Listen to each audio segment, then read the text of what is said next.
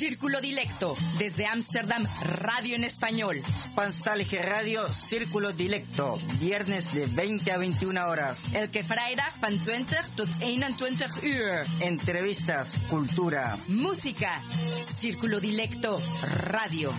Salto Stats FM. Cable 103.3 y 106.8, frecuencia modulada.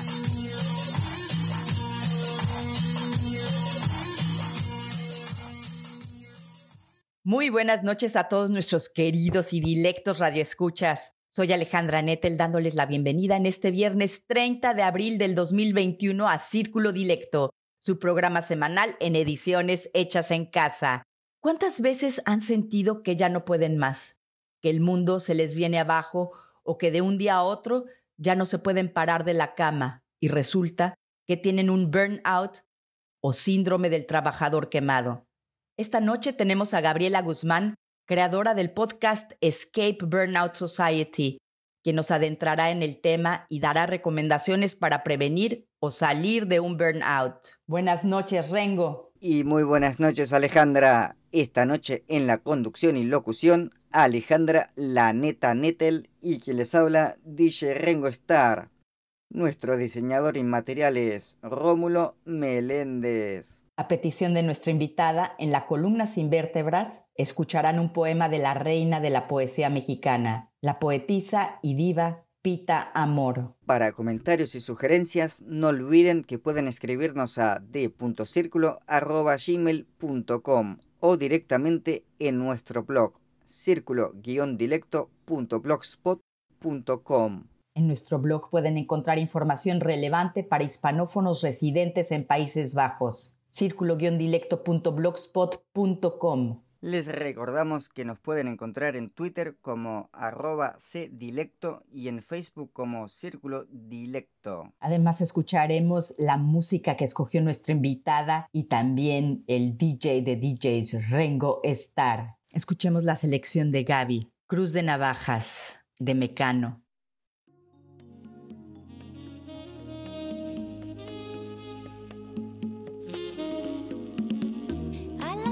Se cierra la barra del 33. Pero Mario no sale hasta las 6. Y si encima le toca hacer caja, despídete. Casi siempre se le hace de día mientras María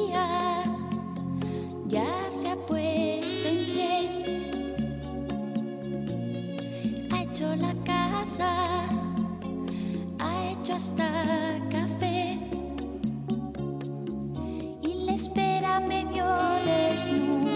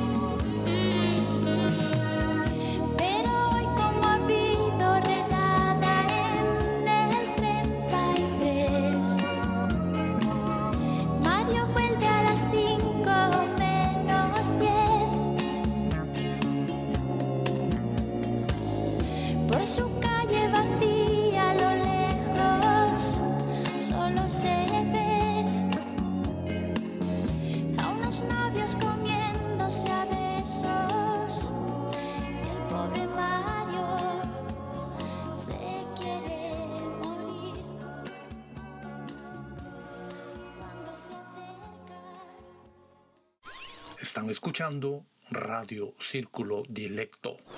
Como les mencioné hace unos minutos, tengo en línea a Gabriela Guzmán para hablarnos del burnout y su podcast. Primero, una corta introducción a nuestra invitada. Gabriela Guzmán Sanabria nació en la Ciudad de México en 1973 y desde muy temprana edad sentía curiosidad por países lejanos. Por ello, a los 19 años, decidió estudiar la licenciatura de diseño gráfico en Países Bajos. Atendió a la Real Academia de Arte de La Haya y después de varios años estudió también la licenciatura de Ciencias de la Comunicación en la Universidad de Ámsterdam. Más tarde, su pasión por el deporte la llevó a certificarse como entrenadora de atletismo. En su tiempo libre, sigue entrenando a corredores de fondo en Ámsterdam. Hoy la invité para que nos hable de su podcast Escape Burnout Society. Buenas noches y bienvenida a Círculo Dilecto, Gaby. Muchas gracias, muchas gracias por la invitación, Ale. No, gracias a ti por aceptarla. Estoy sorprendida al saber que desde los 19 años vives aquí en Países Bajos y me puedo imaginar que al llegar a tan temprana edad estás inmersa en la sociedad neerlandesa. Cuéntanos, después de estos 29 años, ¿cómo te identificas con tus dos países? Porque ya tienes dos países realmente. Sí, es impresionantemente, pues una, como te diré, es una diferencia muy grande, obviamente, cuando vienes de México, llegas acá y de pronto es casi como abrir y cerrar los ojos, llevas más tiempo en un país extranjero que en el país donde naciste, o sea, es algo que yo no me lo creo. Pero bueno, definitivamente soy mexicana, le digo a muchos holandeses en mi tiempo libre. en mi tiempo libre soy mexicana, escucho Pedro Infante, pongo cumbias, eh, como tamales y tacos y me divierto con, con, mucha gente que habla español. Y, bueno, y cuando trabajo, este, aplico un poco más la técnica holandesa, diría yo, ¿no? El ritmo. ¿Y crees que haya mucha diferencia? Pues mira, yo pienso que eh, en México se, trabaja muy duro igual que en Holanda, ¿no? Es, eh, la gente trabaja igualmente de duro. Em, pero bueno, tal vez lo que yo he aprendido más en Holanda es ser un poco más eficiente con el tiempo, especialmente porque también la sociedad está de esa manera eh, eh, arreglada, ¿no? O sea, es, todo es para ser eficiente, no hay distancias tan grandes como en México. Digo, la tecnología también ayuda mucho. Em, y bueno, eso aceleró obviamente también mi ritmo, ¿no? O sea, siempre que llego a Holanda me siento acelerada, ¿no? sé, como que en México tengo un poco más el, bueno, pues son cinco minutos más tarde, no ha llegado nadie, no importa, ahorita viene, ¿no? O sea, siempre siento esa menos eh, presión. ¿Qué crees que sea lo que haya cambiado más en ti en estos años de migración? Pues te voy a decir la verdad, Ale, yo creo que en México me sentía un poco eh, no, no en mi lugar, porque siempre tuve la eh, inquietud de tener gente de diferentes nacionalidades a mi alrededor esta sensación de poder hablar diferentes idiomas, de conocer diferentes idiosincrasias, de poder preguntar, oye, es cierto que en Japón hacen esto, es cierto que en Afganistán comen así y en Arabia, ¿no me entiendes? Y en México es difícil, o sea, sí, obviamente hay más nacionalidades, ¿no? Pero la mayor parte habla español y la mayor parte son, pues, de Latinoamérica pero llegar a un lugar en donde te topas con gente que viene totalmente de otra realidad, así como de otra dimensión, por eso me sentía yo en casa. Y eso me cambió mucho porque era lo que yo buscaba y fue lo que finalmente me dio así como que ese retira, lo como me dio la razón, a decir, bueno, la gente venga de donde venga, hable lo que hable, crea en lo que crea, todo el mundo quiere lo mismo, ¿no? Y eso me cambió, definitivamente. Pues yo lo pensaba en México, pero aquí fui, lo vine a comprobar. Seguimos con la selección de Gaby. Escuchemos a Soda Stereo en la ciudad de la furia.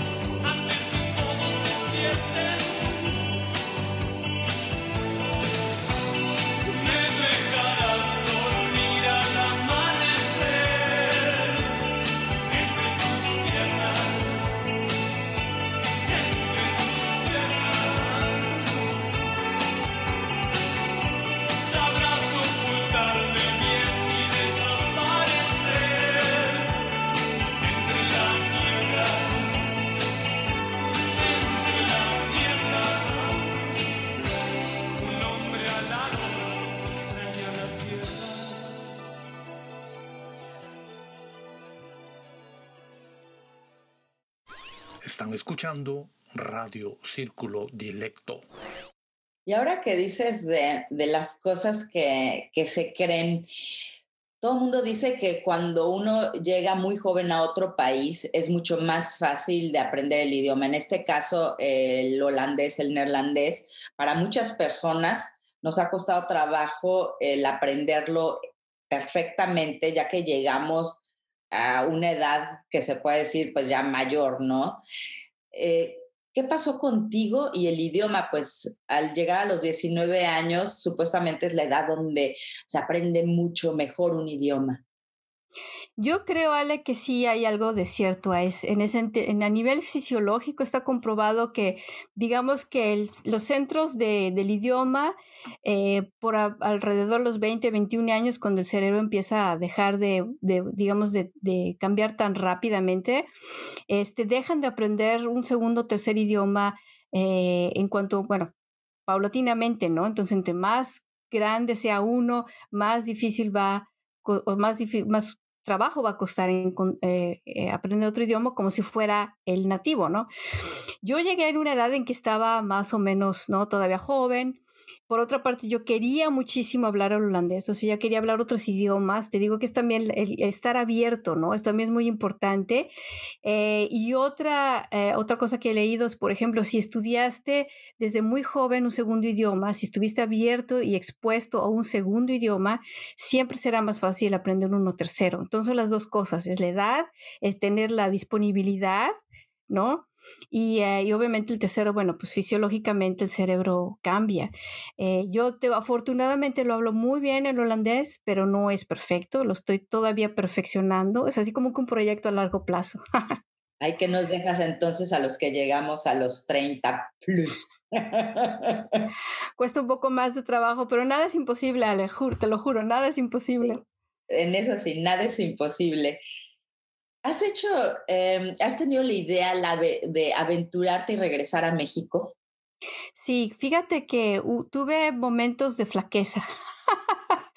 eh, fue en el 2000, creo que fue el 2007, cuando salí de la universidad, no había trabajo en Holanda, había eh, muchísimos problemas aquí de todo tipo también, bueno, como en todo el mundo, y de pronto me quedé pensando, dije, bueno, yo me vine aquí a estudiar, trabajé, eh, eh, me fue muy bien y en este momento estoy desempleada, eh, estoy fuera de México, no estoy con mi familia, bueno, ¿qué hago aquí? ¿No? O sea, si me regreso a México, a lo mejor tengo más probabilidades, ¿no? Posibilidades de encontrar un trabajo. Y lo pensé muy seriamente, pero justamente el momento que iba yo a empacar, me ofrecieron un trabajo y dije, bueno, pues ya llegó, fue, cayó, así que me cayó del cielo, ¿no? Y, y la segunda vez fue cuando, bueno, hace algunos años cuando enfermé, este, que también pensé, dije, bueno, ¿yo qué hago en esta sociedad? Finalmente, a lo mejor no es donde debo estar, ¿no? A lo mejor hay algo que hice mal, que entendí mal, pero finalmente no, fíjate, yo pienso que es algo eh, que es una sensación, más bien es muy visceral, siento que no ha acabado de de estar aquí, ¿no? De aprender todo lo que tengo que aprender. En el momento que yo sienta eso, sí, es muy probable que tal vez busque yo mi suerte en México otra vez. Dejemos la migración a un lado y vámonos de lleno a los siete años anteriores a tu burnout, Gaby.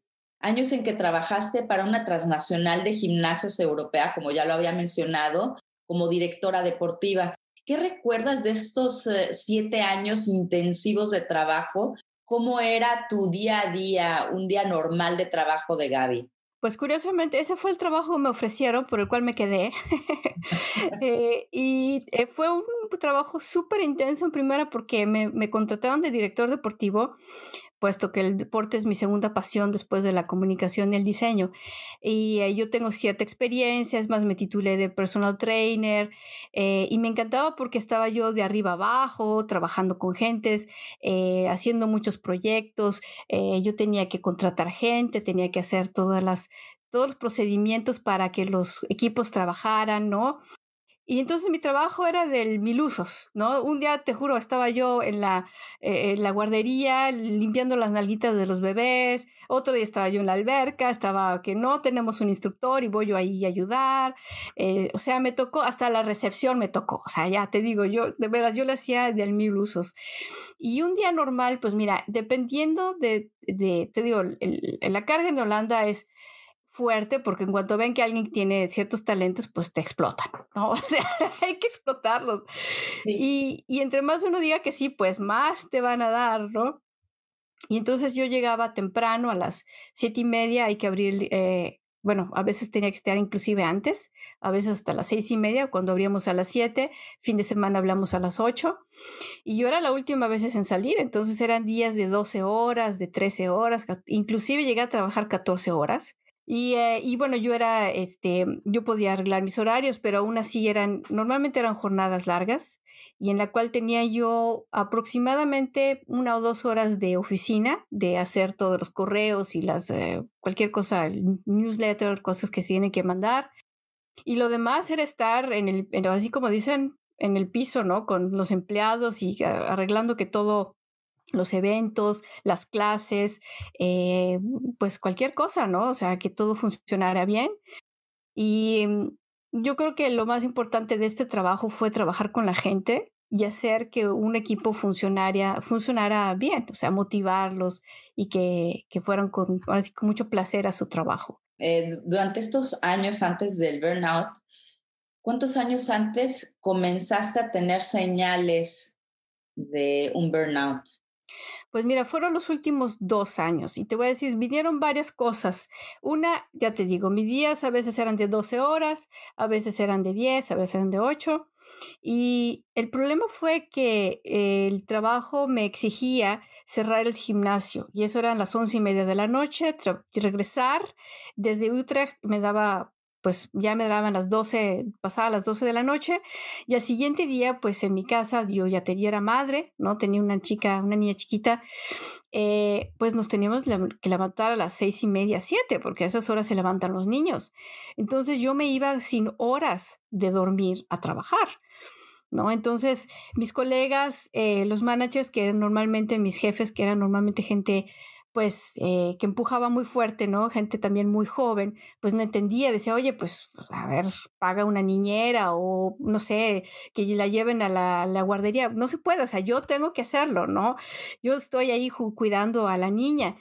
Y, eh, y entonces empezaron a pasar de esos dos años que eh, mi sistema inmune empezó a fallar, tenía yo infecciones de todo, de todo, de los ojos, de la boca, de la piel, eh, me empecé a enfermar de gripa y yo no sabía de qué era, pero eran de las pocas horas que estaba yo durmiendo. Eh, trabajaba en un gimnasio, aparte era un gimnasio gigantesco, era de, de A a B eran no sé, 100, 150 metros, hazlo eso 10 veces por día, subir las escaleras, bajar, empujar. Entonces era un trabajo muy fuerte físico y a veces emocionalmente pues también, porque hay quejas, hay problemas, hay gente que se desmaya, hay este, etcétera, ¿no? Todo, cuesta, todo tipo de cuestiones. Y esos dos años pues yo pasé todos los signos como si no hubiera nada.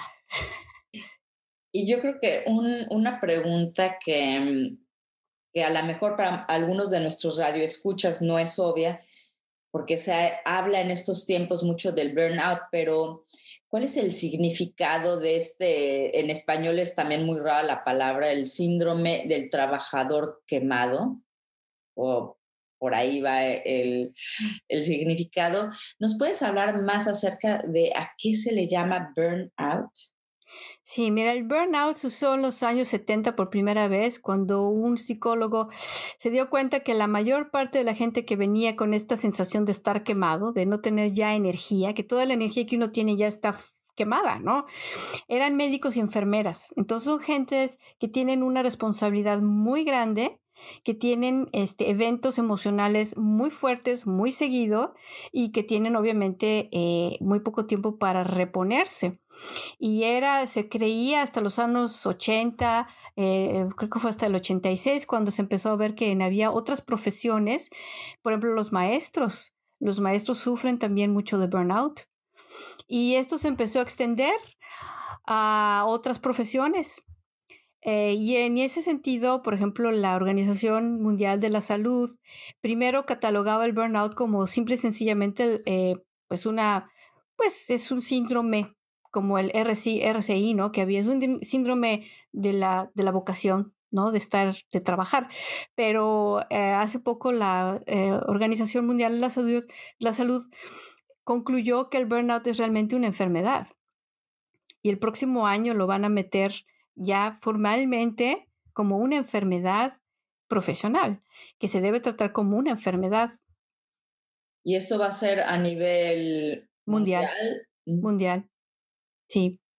Sí, y, te voy a decir por qué, eh, Ale, porque mira, te voy a decir, muchas gentes han tenido burnouts y no se han identificado como tal. Yo he entrevistado también mucha gente y se les, se les ponía el sello de eh, depresión, eh, cuestiones emocionales, ¿no? Todo se va en el sentido psicológico, psiquiátrico, eh, que bueno, obviamente juega un papel muy importante, ¿no?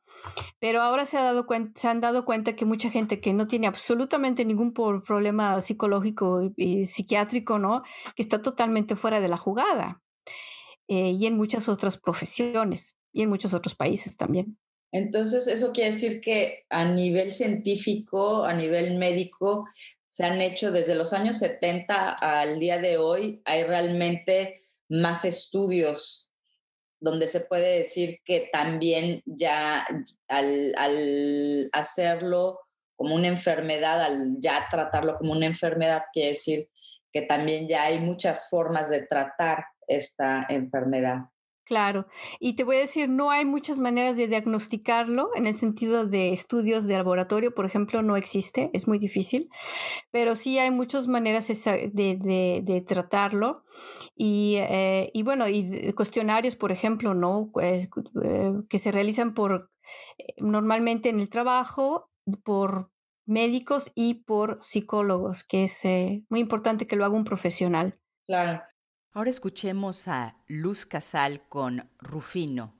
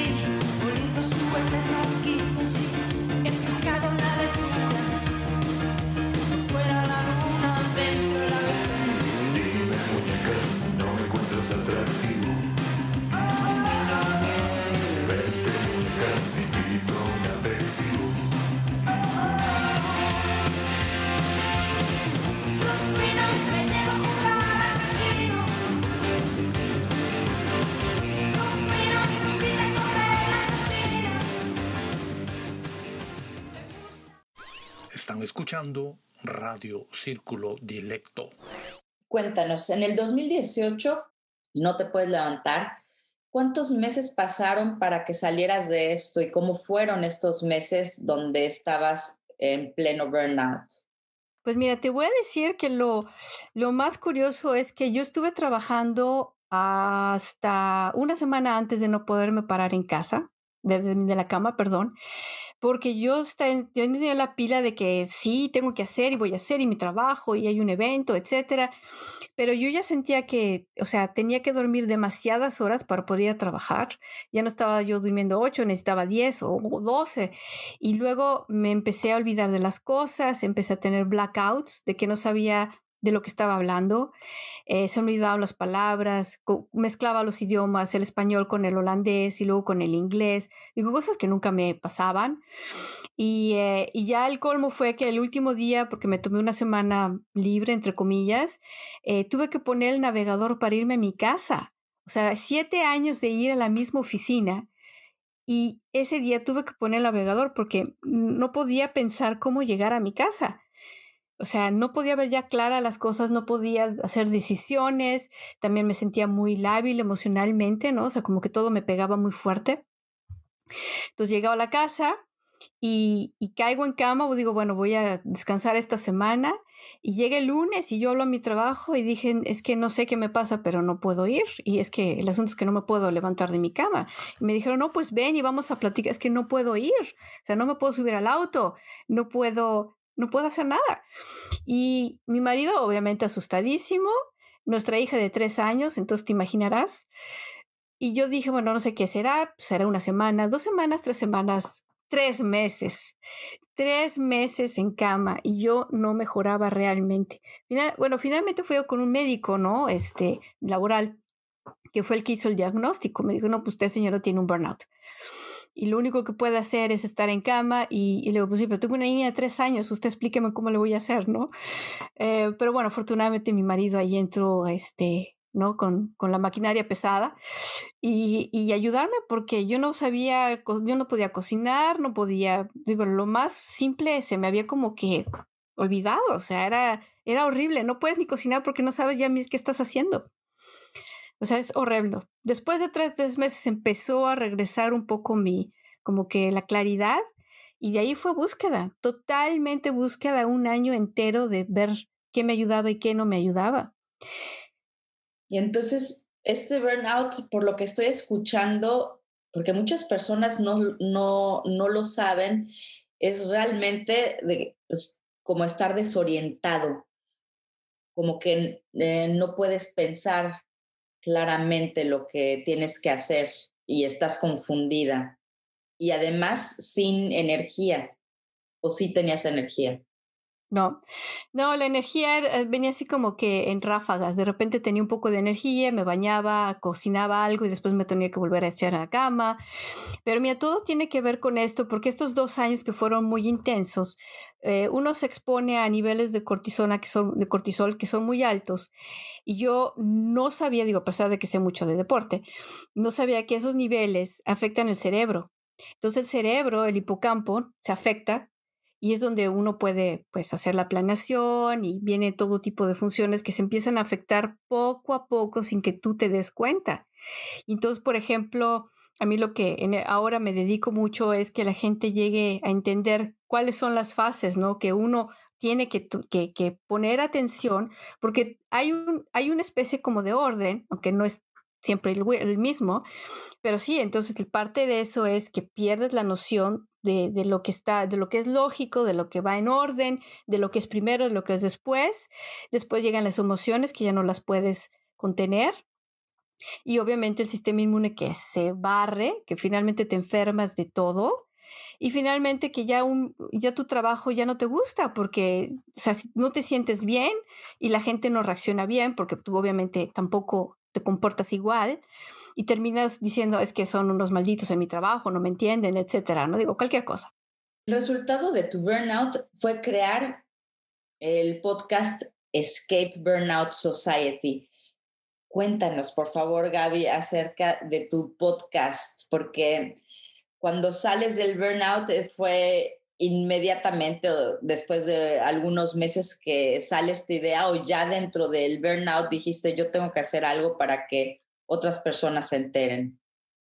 Pues sí, mira, el primer año yo creo que fue como oscuridad total porque no me acuerdo de muchas cosas. El segundo año fue cuando empecé yo a meditar realmente y la meditación me trajo la luz, literalmente O sea, fue cuando empecé yo a recuperar mi, mi eh, pues mis digamos que facultades cognitivas, ¿no? O sea, empecé a acordarme de las cosas, empecé otra vez a escribir, a leer, eh, y fue cuando me nació un poco la idea, porque dije, mira, cuando la gente está muy en el burnout, es muy difícil pensar qué es bueno para ti, saber qué vas a hacer, o sea, la gente te da consejos, luego vienen con ideas de que, ay, pero salte a correr, si a ti te gusta correr, vete a correr.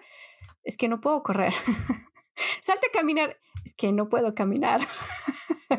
Entonces, ¿qué haces? Bueno, pues escuchar, ¿no? Escuchar a alguien que te hable. Y por eso nació la idea de grabar un podcast para la gente que está en una situación muy similar que no tiene la capacidad de inclusive salir a caminar, por ejemplo, ¿no? Que bueno, finalmente después de dos años eh, empezó a, a, minorar la cosa, ¿no? eh, y tal vez otra idea del podcast fue hacerlo un poco diferente. Lo tengo en inglés en este momento porque quería pues, que se fuera lo más amplio posible y, eh, y entrevistar todo tipo de gente famosa, pero también gente que, que, que, es como tú, como yo, ¿no? O sea, gente un poco más en el, un poquito menos en el, en los, eh, en el spotlight, ¿no? Y me decías que, que ya vas por la segunda temporada de tu podcast. ¿Cuáles son los temas? O sea, has seguido todo la primera temporada y la segunda temporada. Tengo entendido que son dos temas diferentes. Sí, exacto. El primer, la primera temporada me enfoqué muchísimo a lo que son los, eh, que la gente se dé cuenta de los, de los, eh, de, bueno, de cómo reconocer los signos, ¿no? Que es este distanciamiento hacia el trabajo, de no poder, de que te, ya no te acuerdas de las cosas, de que estás un cansancio ya así excepcional, ¿no? De que vayas viendo si tu sistema inmune ya no funciona, bueno, que pues no es nada más porque sí, o sea, hay cosas que, que te lo están causando. Y entrevisté a mucha gente al respecto, también entrevisté mujeres, muchas mujeres, porque muchas mujeres, en sí el burnout se da un poco más en mujeres que en hombres. Ajá muy interesante y sobre todo desde los 40 a los 50 años. Y de todo lo que yo he investigado, bueno, de esta primera temporada, escribí también unos par podcasts en los que, bueno, yo obviamente los grabé, diciendo eh, cuáles son las mejores maneras de prevenir, ¿no? De lo que puedes hacer cuando sientes como que tienes mucho estrés y que no puedes eh, sacar este estrés, las maneras de prevenirlo, ¿no? En el segundo... Perdón que te interrumpa, sí. Gaby. ¿Cuál sería una, la primera o la más importante de estas formas de, de cuando estamos sintiendo alguno de estos síntomas? Pues mira, yo creo, Ale, que yo diría por parte de la meditación tipo mindfulness.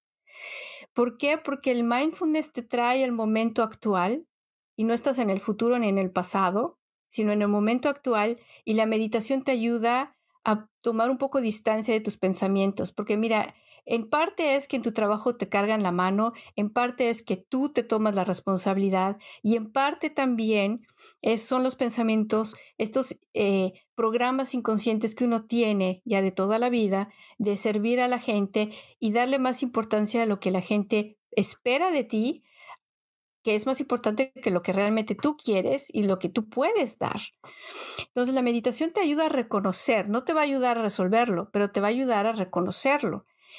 Porque si no, obviamente suceden todas estas cosas y tú te pasas los, semáforos en alto, o sea, tú piensas que tú estás haciendo lo que tienes que hacer. Entonces, yo empezaría por ahí, por, por meditación y por meditación sobre todo tipo mindfulness y ya después, bueno, tú puedes seguir con todo tipo de meditación. Claro. Y, y, bueno, en la segunda temporada ahora voy más de lleno a todos el inconsciente, ¿no? ¿Qué son estos programas que nos ten, que tenemos, por ejemplo, las mujeres? Es muy típico de mujer, ¿no? Que tú quieres organizar al mundo, tienes la familia y tienes todo, toda esta sensación de quiero tener un trabajo y quiero ser, eh, ahora sí que quiero, quiero ser, tener el físico perfecto y quiero tener amigas y quiero tener un galán y todo tiene que ser perfecto y un día te das cuenta que el día solamente tiene 24 horas, ¿no? Entonces, no va a resultar, o sea, hay ciertas cosas que uno tiene que, que, ver que vienen desde el inconsciente, desde nuestra infancia. Y en la segunda temporada yo eh, estoy entrevistando gente que nos explica dónde buscar, cómo buscar y cómo identificar todos estos pensamientos. Pues hay que seguir a Escape Burnout Society definitivamente. ¿Dónde podemos encontrar tu podcast? Eh, mi, mi, podcast está en, eh, en todos los todas las plataformas conocidas como Spotify, eh, iTunes. Lo, lo, encuentras como Escape Burnout Society. Y bueno, tengo mi social media, ¿no? Que es Escape from the Burnout Society. Eh, en Instagram y en eh, Facebook. Si van, le dan un like, por favor. Pero por medio de mi, web, de mi website, que es www.escapeburnoutsociety.com, ahí me pueden mandar también un correo por gente si, si necesita alguna pues no sé, hay mucha gente que tiene muchas preguntas acerca de burnouts. Yo siempre estoy abierta y feedback sobre todo para que yo pueda subir más contenido interesante.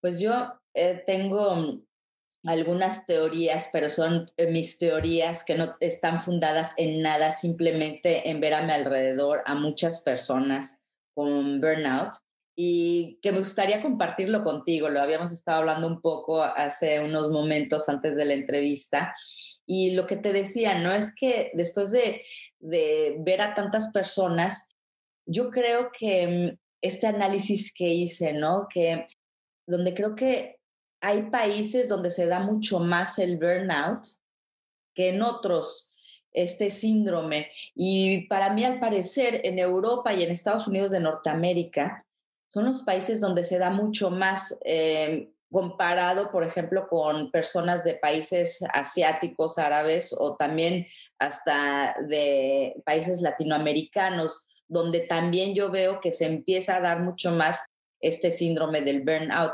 ¿Tú qué piensas? ¿Crees que tenga que ver con, con países específicamente y lógicamente al hablar de países habla de cultura y de forma de vida? Sí, fíjate, Ale, yo pienso lo que me comentabas, en verdad, de, de alguna manera tiene mucho que ver, porque sí tiene, eh, es la educación, ¿no? Lo que nosotros recibimos desde que somos jóvenes, el valor que le damos al trabajo y el valor que le damos al aspecto social.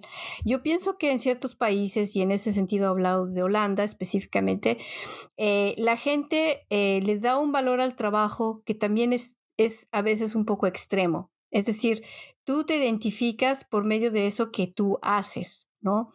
Eh, estábamos hablando de que, bueno, a lo mejor los jóvenes tienen aquí una educación un poco más suave, ¿no? Que en muchos países donde es así como que muy, eh, tal vez muy estricta, pero el, el ambiente de trabajo es duro.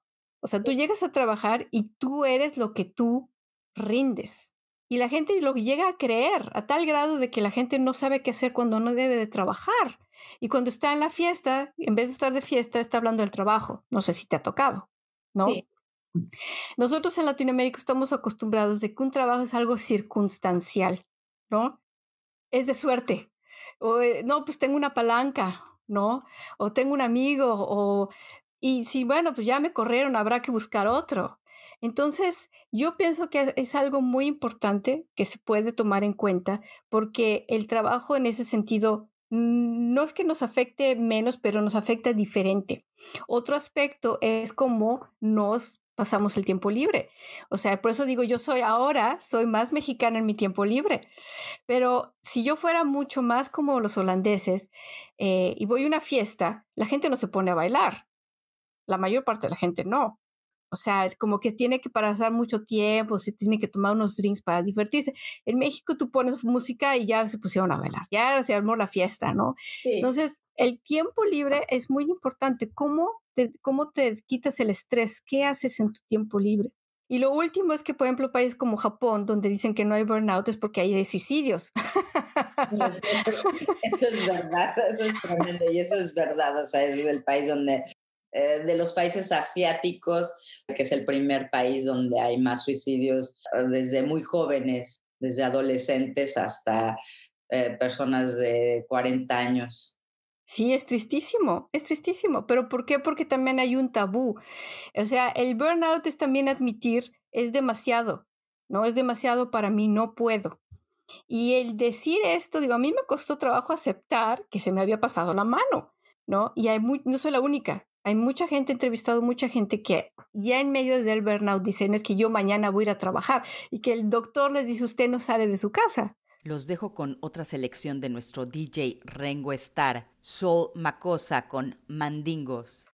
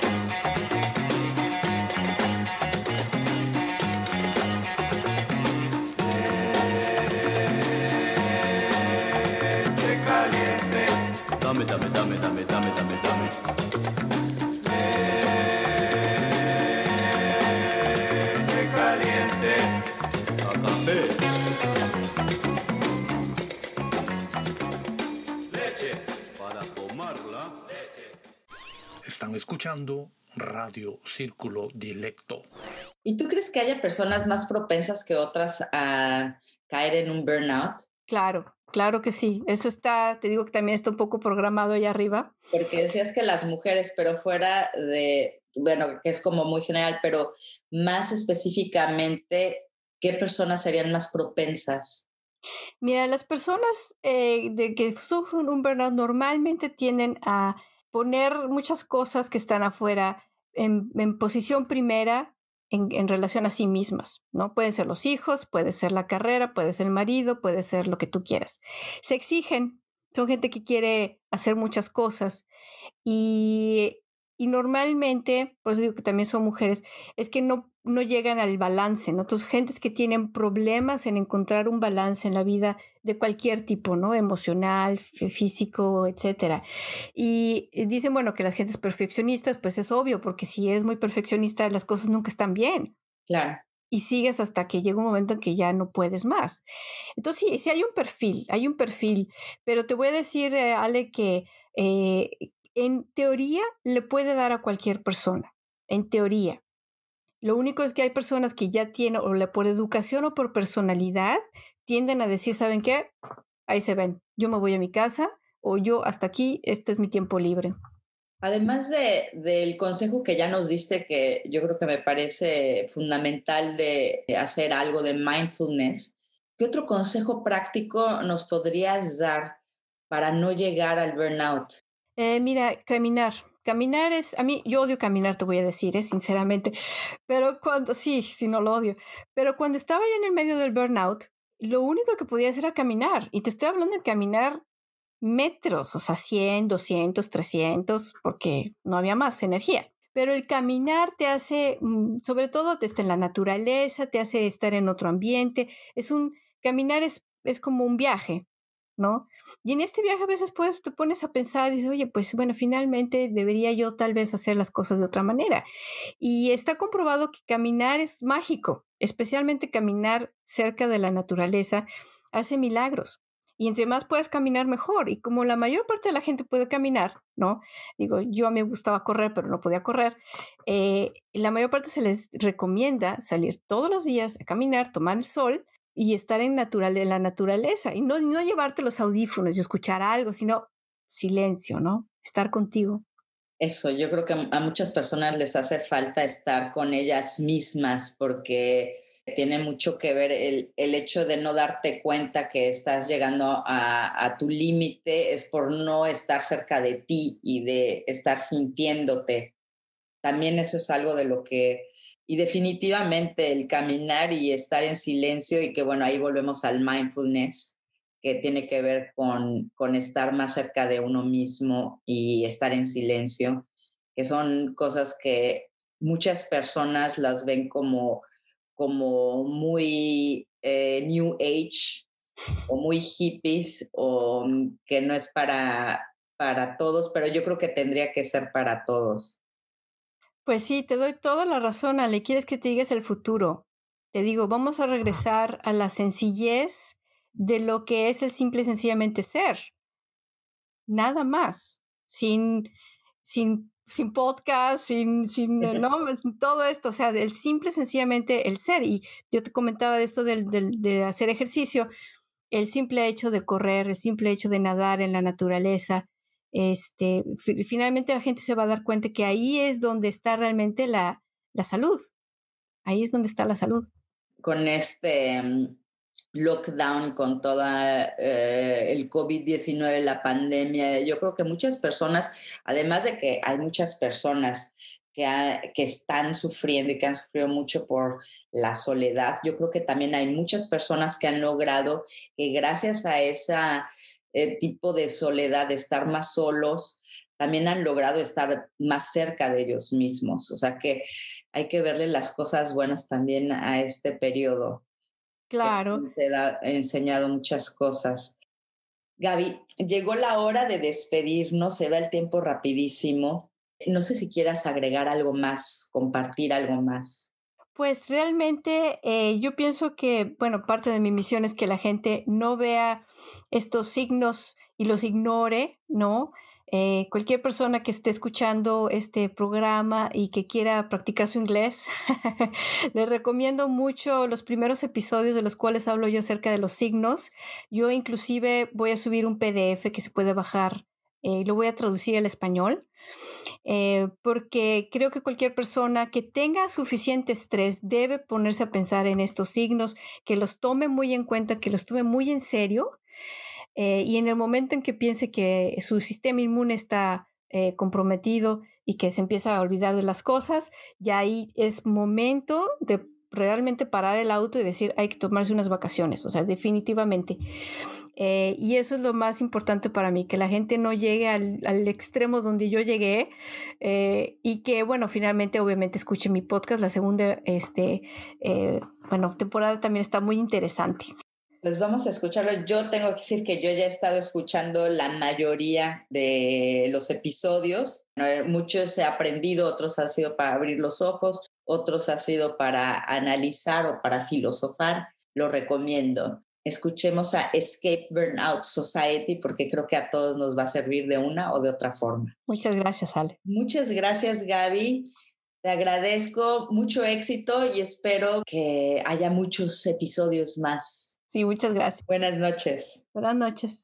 Vertebracín, vertebracín, vertebracín, vertebracín, vertebracín, vertebracín, vertebracín, vertebracín, vertebracín, vertebracín. La ganadora del libro de fotografía Mujeres de Almere de Lila Carrillo, que sorteamos en abril, es Conchita Riquelme de Ámsterdam. Muchas felicidades y gracias por participar. En el mes de mayo sorteamos el libro Cosa de Gringos, una novela gráfica del autor argentino Matías Brasca. Dice el escritor, periplo de una migrante fortuita sobre esta porción de tierra fundada en la obra de rufianes, cafiolos y malacrías. Textos e ilustraciones del autor. Lo único que debe hacer para participar en el sorteo de este libro tan interesante es escribirnos a d.circulo.gmail.com antes del 26 de mayo del 2021. Vertebracín, vertebracín, vertebracín. Guadalupe Teresa Amor Schmidtlein, más conocida como Pita Amor, nació en la Ciudad de México el 30 de mayo de 1918 y murió el 8 de mayo del 2000 en la Ciudad de México. Fue una escritora, poetisa y oradora mexicana. Fue también actriz y modelo de fotógrafos y pintores destacados, entre ellos Diego Rivera, Juan Soriano y Raúl Anguiano. Fue a su vez amiga de Frida Kahlo, María Félix, Gabriela Mistral, Pablo Picasso, Alfonso Reyes y Elena Garro, entre muchos otros. Mucho les puedo seguir leyendo de Pita Amor, pero hoy prefiero contarles algunas de mis experiencias personales que tienen como personaje central a esta poetisa. No sé si le tengo respeto o admiración a Pita Amor, lo que sí es que me gusta su obra poética y lo que más disfruto, además de escucharla, es recordarla. El instituto donde estudié arte dramático albergaba también el departamento donde ella pasó sus últimos años y donde la conocí, en la calle de Bucareli, en la Ciudad de México. A los novatos del primer semestre se nos recordaba alejarnos y veíamos a la señora Amor. No conocía entonces su obra ni sus mañas. Recuerdo que fue un día lluvioso, en el patio interior del edificio, de camino a la salida, la primera vez que sentí en mi espalda el riguroso y afamado paraguas de la señora Amor, seguido de una voz aguardientosa y cavernosa que me decía A un lado, que la diosa va a pasar. Después de reponerme del paraguaso y del susto, volteé para encontrarme a menos de un metro a una figura salida de un cuadro. No podía decir de qué autor. Una diminuta mujer, ataviada con un vestido de fiesta de por lo menos treinta años atrás, con un escote bajo, una flor por demás enorme en comparación con ella misma, que no recuerdo si estaba en su cabello o en su pecho, ya que eran los dos sitios en que la acostumbraba llevar, sin falta. Lo que más me impresionó, además de su voz, fue su cara, maquillada con infinita extravagancia y exageración por manos temblorosas. El labial rojo carmín que hacía que su boca se dimensionara. Sí, daba una mezcla de temor, risa y compasión. Si llegaba a meterse a algún salón de clase, nos recitaba hasta el aburrimiento, y a veces regalaba alguno de sus dibujos de vírgenes. Nunca tuve esa suerte. A veces los vendía, pero solo a quien ella escogía. Había quienes corrían despavoridos al verla, otros decidimos que nos usara. Nadie la podía tocar, solo ella podía tocarte. Era una de sus cosas. Lo que me queda de esta diosa poetisa es el recuerdo de la fuerza de su mano en mi brazo, que la llevaba con lentitud exorbitante hacia la salida, donde me arrastraba con palabras hacia la cantina que estaba puertas adelante, y donde la mesera o yo decidíamos quién le iba a costear las bebidas del día. Mi paga era sentarme a escucharla recitar o hablar de hombres, hasta que otra alma llegaba a relevarme. Escuchemos a Pita Amor. Letanía de mis defectos. Soy vanidosa, déspota, blasfema, soberbia, altiva, ingrata, desdeñosa, pero conservo aún la tez de rosa. La lumbre del infierno a mí me quema. Es de cristal cortado mi sistema. Soy ególatra, fría, tumultuosa, me quiebro como frágil mariposa. Yo misma he construido mi anatema. Soy perversa, malvada, vengativa, es prestada mi sangre y fugitiva. Mis pensamientos son muy taciturnos, mis sueños de pecado son nocturnos. Soy histérica, loca, desquiciada, a la eternidad ya sentenciada. Vértebra sin, vértebra sin, vértebra sin. Rómulo Meléndez nos representa jurídicamente ante Salto. Llegamos al fin de esta edición casera de Círculo Dilecto. Gracias, Gabriela Guzmán, por acompañarnos. Mucho éxito con tu podcast Escape Burnout Society. Saludos y abrazos a nuestros dilectos radioescuchas y, como siempre, a la niña Gaya Sofía. Y muchas felicidades a todos los niños allá en México y en todos los países que hoy, 30 de abril, se celebra el Día del Niño. Y también a todos los adultos que tenemos y seguimos teniendo esa alma de niños. Y yo, como siempre, le mando un abrazo grande a mi abuela, a mi familia, a todos los amigos y a todos los radio oyentes de Radio Círculo Dilecto. A nombre de todo el equipo les deseo un excelente fin de semana y esperamos encontrarles de nuevo el próximo viernes 7 de mayo en Círculo Dilecto, cable 103.3 y Ether 106.8 FM. Radio Salto. Escuchemos a Nacha Pop con una de mis favoritas y también de Gaby, Lucha de Gigantes.